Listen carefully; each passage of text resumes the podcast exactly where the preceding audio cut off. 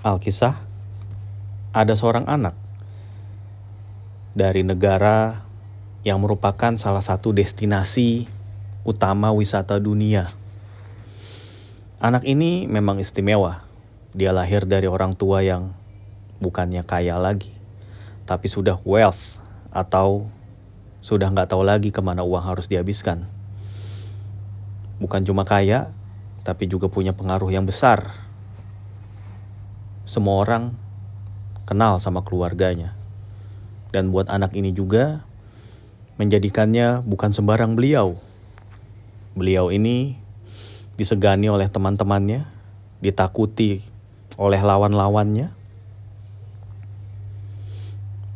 Beberapa atau bahkan banyak yang menyukainya, tapi ya tidak sedikit juga yang membencinya. Singkat cerita, anak ini memasuki institusi pendidikan. Di institusi ini pun pengaruhnya makin besar. Semua orang segan kepadanya, senior-senior, alumni-alumni,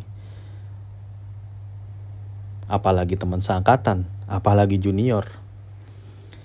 Dan dia pun selalu terpilih mewakili kampusnya ini untuk ajang perlombaan antar kampus Ya, walaupun selalu berada di peringkat kedua, setidaknya ia mengharumkan nama kampus dibandingin dengan anak-anak yang lain yang bisanya cuma koar-koar katanya. Lalu kemudian timbullah masalah bagi anak ini. Nilai-nilai ujian yang selalu bagus, selalu tertinggi, dan membuat IPK-nya juga tertinggi di antara teman-teman yang lain ternyata tidak selalu didapat lewat cara yang legal. Ada juga unsur delik aduan di sini. Dan juga ada kemudian investigasi. Ada kejanggalan-kejanggalan yang memunculkan atau men-trigger audit atau investigasi tadi yang kemudian dilakukan oleh pihak kampus. Yang kemudian dari barang bukti yang saat itu tersedia sangat memojokkan anak ini. Ada beberapa barang bukti yang menunjukkan bahwa anak ini sengaja kong kali kong dengan salah seorang yang punya posisi di kampus untuk bisa dapetin bocoran soal menjelang ujian. Dan karena itulah nilainya bagus-bagus. Dan bocoran soal ini tidak hanya dinikmati oleh anak ini, tapi juga rekan-rekannya yang juga memilih jalan pintas. Ini juga menikmati bocoran tersebut. Dan akhirnya setelah melalui berbagai tahap ya sebut saja pengadilan akhirnya ditetapkan bahwa anak ini bersalah. Anak ini dianggap telah menyalahi peraturan ujian, ujian semesteran, yang kemudian membuat otoritas kampus menghukumnya dengan berat. Teman-temannya juga dihukum, tapi kebanyakan dihukum dengan denda ataupun pengurangan nilai ujian. Ya sementara si anak ini benar-benar ujiannya itu dibatalkan. Nilai ujiannya dianggap tidak sah dan karena itu dia harus mengulang dari awal seluruh mata kuliah yang diikutinya. Jadi dia seperti dianggap tinggal kelas. Palu sudah diketok, putusan yang sudah berkekuatan hukum tetap itu bisa dieksekusi dan harus dijalankan. Dengan lapang dada akhirnya anak ini menjalani hukumannya. Tapi ya karena memang ia anak yang berbakat, ia kemudian cepat kembali lagi ke levelnya. Hingga kemudian ia kembali mendominasi nilai ujian di kelasnya. Tapi ternyata tidak cukup. Beberapa lama kemudian, ia diindikasi melakukan pelanggaran lagi. Meskipun dari permasalahan ujian semester tersebut ternyata ada bukti baru yang menunjukkan bahwa bukan dia yang terlibat dan otoritas kampus pada saat itu sudah tidak lagi mempertimbangkannya karena memang sudah basi kasusnya. Tapi kemudian anak ini kena kasus lagi dalam bentuk yang lain, yaitu kasus titip menitip absen. Ia memasukkan tanda tangannya, memberikan spesimen tanda tangan itu kepada teman-temannya untuk dititipkan absen karena ia memang anak yang aktif dan banyak kegiatan di luar sehingga dia tidak bisa menghadiri mata kuliah. Padahal di semua mata kuliah itu ada minimum kehadiran. Jika dia melewati batas minimum itu, dia tidak diperbolehkan mengikuti ujian semesteran. Pada suatu ketika, sang dosen memeriksa absen dari mahasiswanya. Padahal biasanya tidak diperiksa sebegitunya. Tapi ketika diperiksa satu persatu, barulah ketahuan si anak ini nitip absen. Tanda tangannya ada, orangnya nggak ada. Artinya antara dokumen dengan fakta itu tidak sinkron. Dipanggillah kemudian anak ini, dimintai penjelasan segala macam. Ternyata anak ini memang sudah berkali-kali melakukan pelanggaran seperti ini setelah dicocokkan lagi dengan dosen-dosen lain. Memang dia tidak hanya sendiri melakukannya. Banyak mahasiswa lain yang juga melakukan praktik-praktik seperti ini. Atau mungkin mahasiswa-mahasiswa di seluruh dunia rasanya pernah yang namanya nitip absen.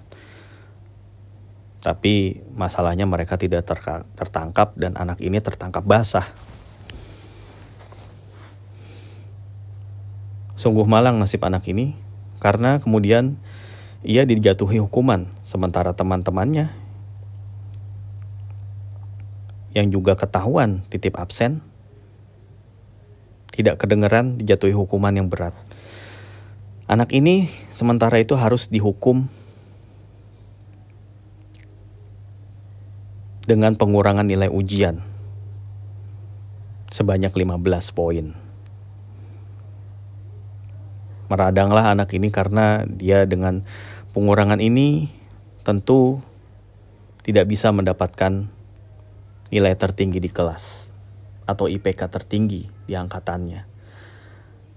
Keinginan untuk maju sebagai mahasiswa cum laude pupus sudah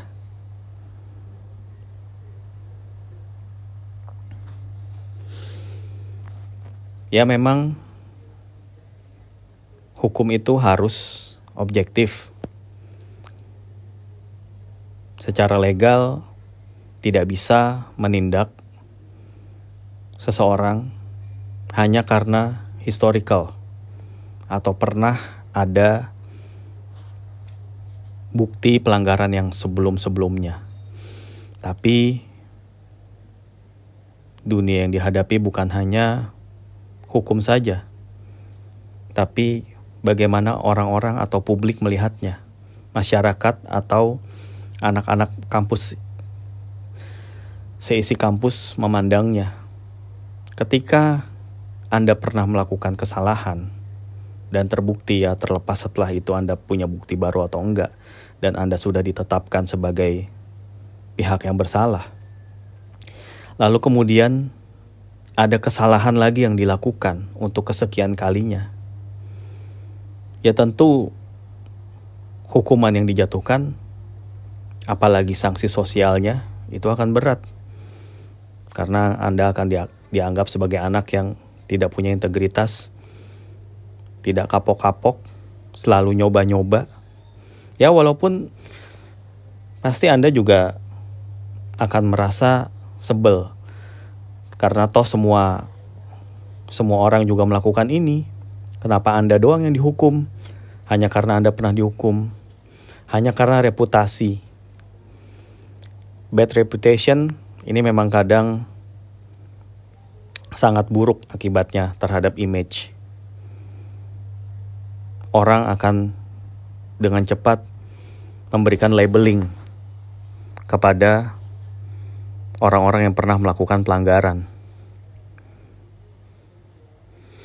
Ya, anggap saja ada pencuri di kampung. Dia pernah tertangkap mencuri pada suatu waktu. Lalu kemudian ada lagi kehilangan barang di tempat lain di mana Anda juga kemudian terlibat lagi untuk kedua kalinya. Ya tentu Anda akan digebukin lebih parah dibandingin sama teman-teman Anda yang belum pernah ikutan maling. Bukan bermaksud menyamakan Anda dengan maling ya. Tapi ya seperti itulah realita yang ada di dunia. Atau mungkin jangan maling deh.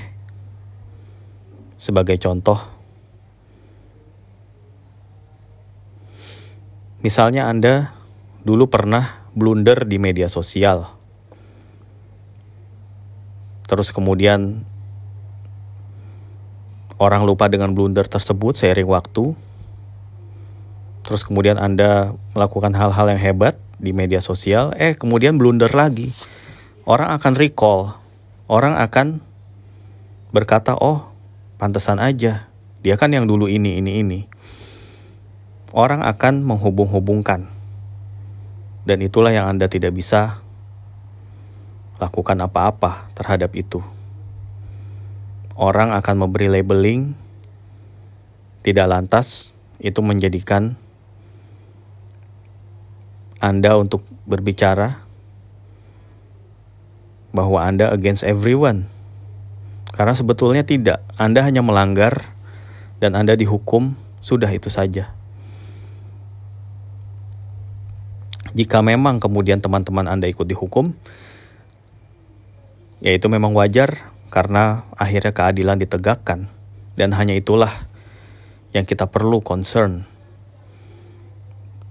Dengan hukum yang ditegakkan, tentu akan membuat iklim kampus semakin sehat. Dan kemudian tidak ada lagi yang diistimewakan.